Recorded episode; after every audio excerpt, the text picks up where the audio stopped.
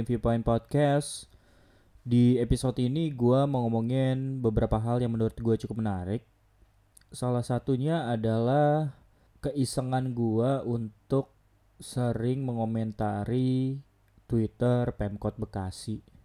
Sebenarnya bukan tanpa alasan kenapa gue melakukan itu, tapi sebagai warga Bekasi, gue tuh cukup prihatin gitu ya dengan visual design materi-materi publikasi uh, terkait dengan pengumuman atau kebijakan yang dikeluarkan oleh Pemkot Bekasi kayak gitu. Jadi kalau misal lo denger uh, podcast ini, denger episode ini, coba lo cek di Twitter yang paling gampang ya. Search Pemkot Bekasi dan lo akan tahu gitu betapa buruknya visual design yang dikeluarkan oleh Pemkot Bekasi kayak gitu. Jadi gue sering banget tuh kayak misalnya Pemkot Bekasi. Pertama-tama gue harus apresiasi karena Twitternya cukup aktif gitu ya. Walaupun tidak banyak interaksi dengan uh, warga Twitter, tapi dari sisi penyampaian informasi itu cukup sering kayak gitu.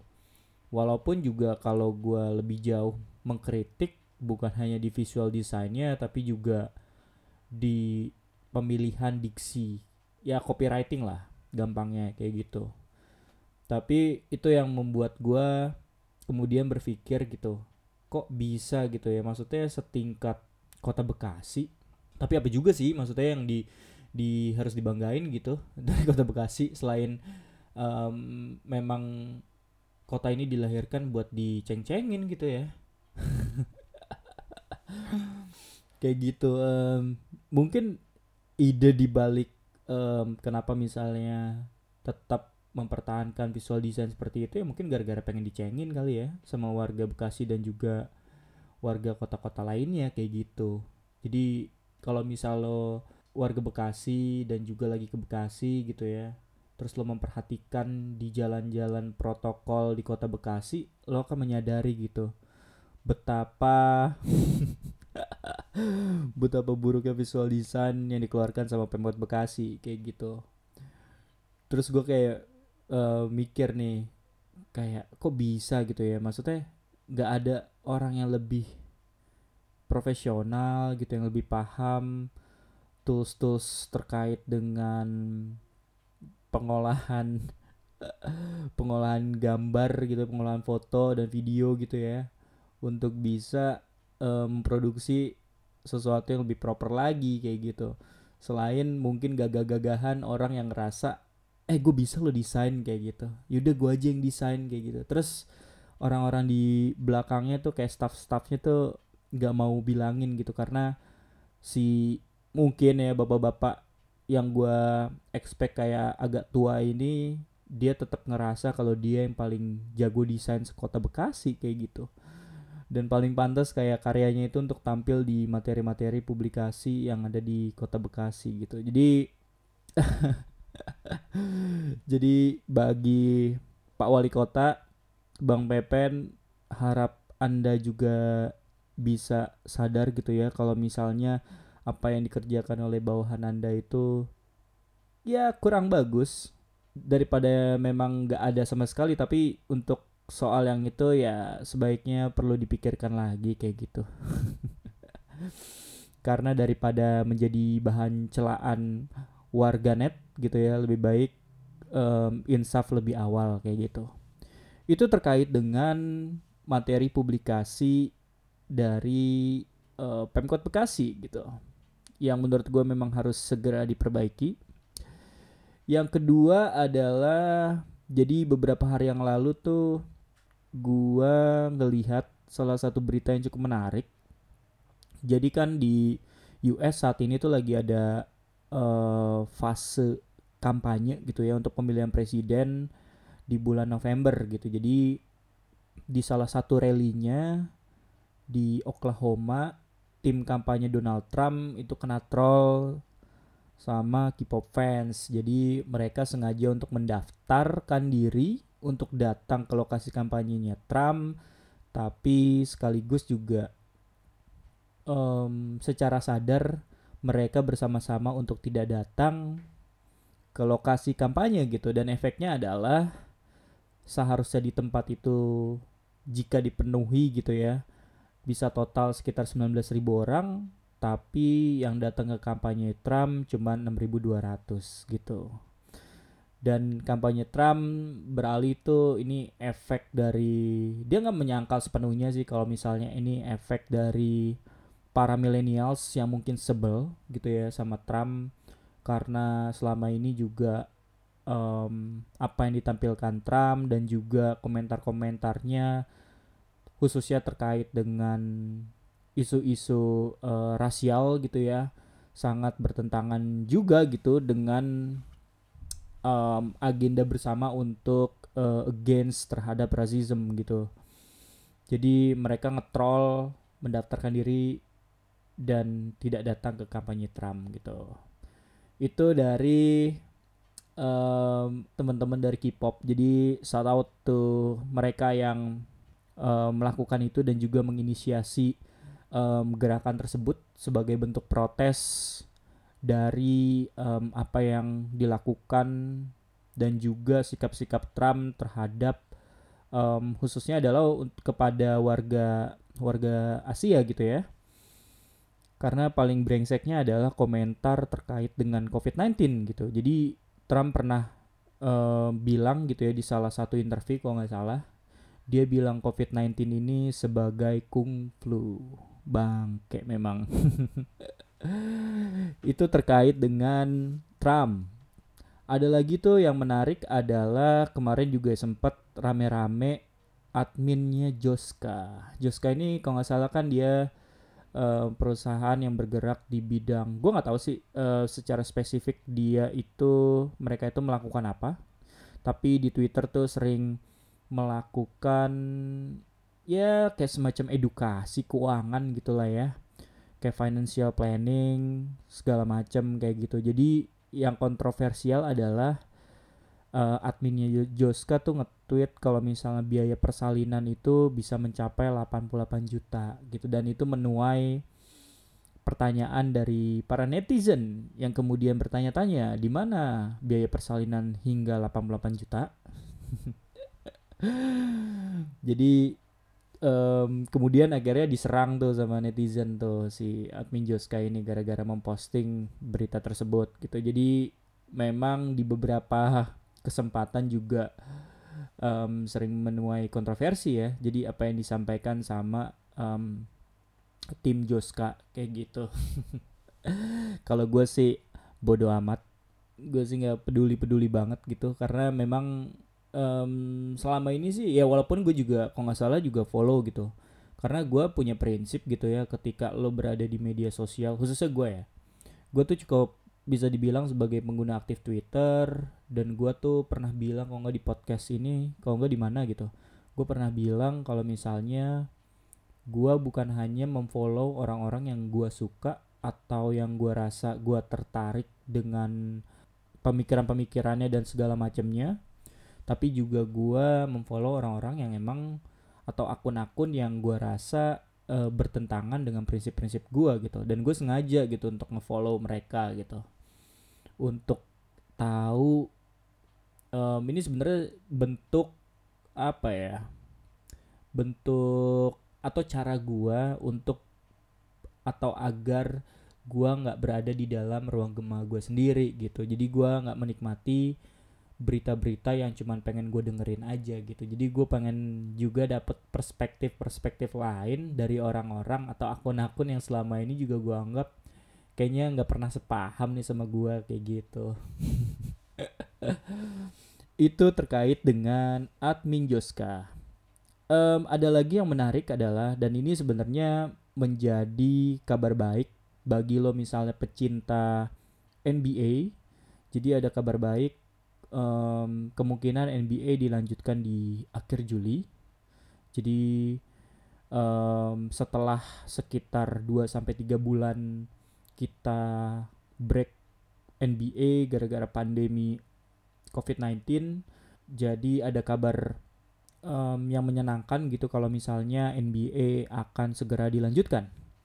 Terus juga yang menyenangkan lainnya adalah EPL Jadi kalau misalnya lu suka Liga Inggris, minggu ini sudah masuk ke minggu kedua kalau nggak salah. Walaupun ya di setiap pertandingannya masih belum didatangi oleh um, supporter. Jadi gua kemarin sempat lihat di beberapa pertandingan gitu banyak cara yang dilakukan oleh tim-tim sepak bola Eropa untuk bisa menghadirkan apa ya menghadirkan keramaian di dalam stadion yang sepi gitu. Jadi um, kayak misalnya kemarin gue nonton Man United lawan Sheffield um, jadi di tribun-tribunnya itu ada foto-foto fans seolah-olah mereka menonton secara langsung kayak gitu. Dan juga um, gue nggak tahu apakah si suara fans ini di secara live gitu ketika misalnya pertandingan ini uh, berjalan gitu ya. Tapi di sepanjang pertandingan tuh suara fans tuh kencang banget. Jadi seolah-olah tuh memang uh, di stadion itu nggak ada fans nggak ada supporter tapi bagi yang mendengarkannya gitu ya bagi yang menikmati di layar kaca gitu itu bisa menikmati hype yang sama gitu. Ketika misalnya chance-chance yang di biasa dibawakan oleh supporter juga kedengeran dan juga um, apa ya ya intinya gemuruh fans seperti sedia kala ketika mereka berada di stadion itu sama sekali nggak ada yang beda. Dan itu menimbulkan atmosfer yang menyenangkan menurut gua. Karena um, selama ini kita kan menikmati sepak bola itu ya salah satunya yang harus dinikmati adalah um, drama yang diciptakan atau misalnya gemuruh-gemuruh suara yang diciptakan oleh para supporter kayak gitu. Jadi ini salah satu langkah yang cukup baik gitu ya untuk bisa menghadirkan seolah-olah kayak menghadirkan para supporter berada di tengah-tengah para pemain kayak gitu. Jadi um, kemarin juga cukup menyenangkan gitu ketika Man United bisa menang 3-0 karena gue um, ya fans Man United juga sih kayak gitu sama ada kabar yang menurut gue cukup uh, tidak menyenangkan terjadi di Indonesia gitu. Jadi da, jadi bukan hanya terjadi di Indonesia sih sebenarnya tapi juga terjadi di belahan dunia lainnya gitu ya. Khususnya di negara-negara memang terkena impact COVID cukup tinggi gitu. Jadi banyak banget gitu ya. Ada laporan misalnya ya gue kutip dari kata data um, banyak perusahaan startup tuh melakukan penutupan gitu ya penutupan either itu perusahaannya 100% atau beberapa lini bisnisnya gara-gara efek pandemi ini yang akhirnya menyebabkan mereka harus melakukan layoff uh, banyak karyawannya kayak gitu. Dan yang terbaru adalah misalnya di Indonesia um, beberapa hari yang lalu Gojek um, mengumumkan gitu ya melakukan sekitar melakukan layoff sekitar 9% dari total karyawannya atau sebanyak 450 karyawan kayak gitu.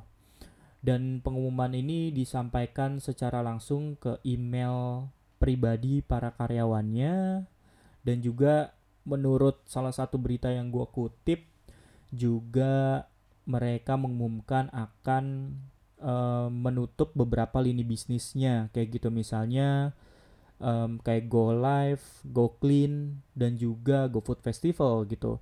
Kalau kita lihat memang ketiga lini bisnis ini kan paling terasa terkena impact kayak gitu kan karena mau nggak mau ketika lebih bicara tentang tentang misalnya go clean gitu ya terus juga bicara tentang go masas otomatis kan lo harus interaksi uh, secara jarak dekat gitu ya dengan klien lo gitu. Mau nggak mau ketika ada sekitar 3 sampai 4 bulan sama sekali nggak ada revenue sama sekali ya mau nggak mau nggak bisa extend bisnis.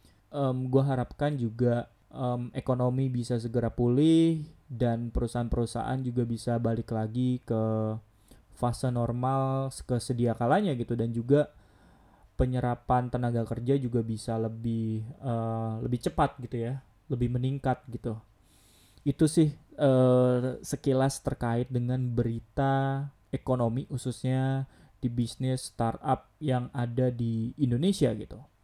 Dan satu lagi yang harus gua highlight adalah selama ini kan juga lagi rame nih tren sepedaan kayak gitu ya.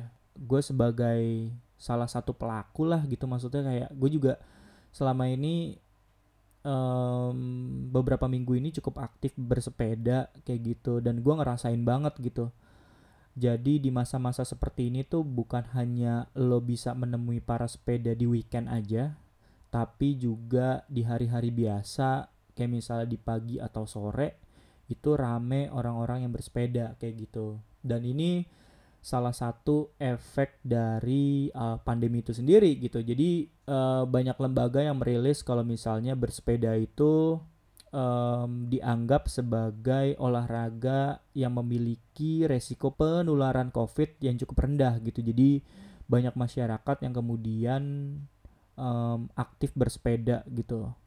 Dan menurut uh, laporan salah satu NGO yang fokus terhadap transportasi melaporkan kalau misalnya angka pesepeda di Tamrin dan Sudirman itu meningkat sampai 1000% kayak gitu. Dan secara bisnis saat ini itu mengalami peningkatan sekitar 30% gitu. Walaupun seperti tren-tren pada umumnya gitu ya, tren ini diekspektasikan juga tidak akan terlalu lama. Jadi di ramalkan di akhir tahun tetap mengalami peningkatan tapi tidak seperti uh, sekarang kayak gitu. Kalau misalnya sekarang secara industri banyak banget tuh kayak distributor uh, mereka kekurangan supply gitu, kekurangan supply sepeda gitu gara-gara permintaannya banyak banget gitu.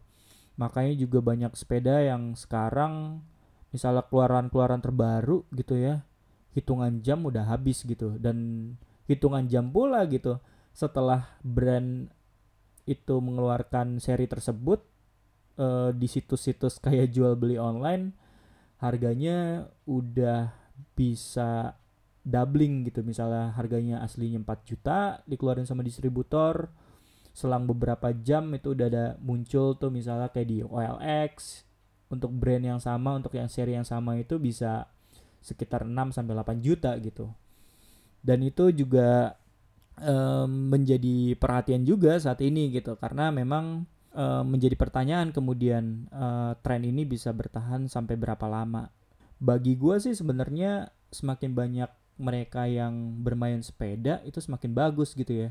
Karena ketika pasarnya ada, ketika marketnya ada, dan ketika pemainnya ada, maksudnya para pesepeda ini ya kita bisa kemudian mendesak regulasi-regulasi yang menguntungkan para pesepeda kayak gitu.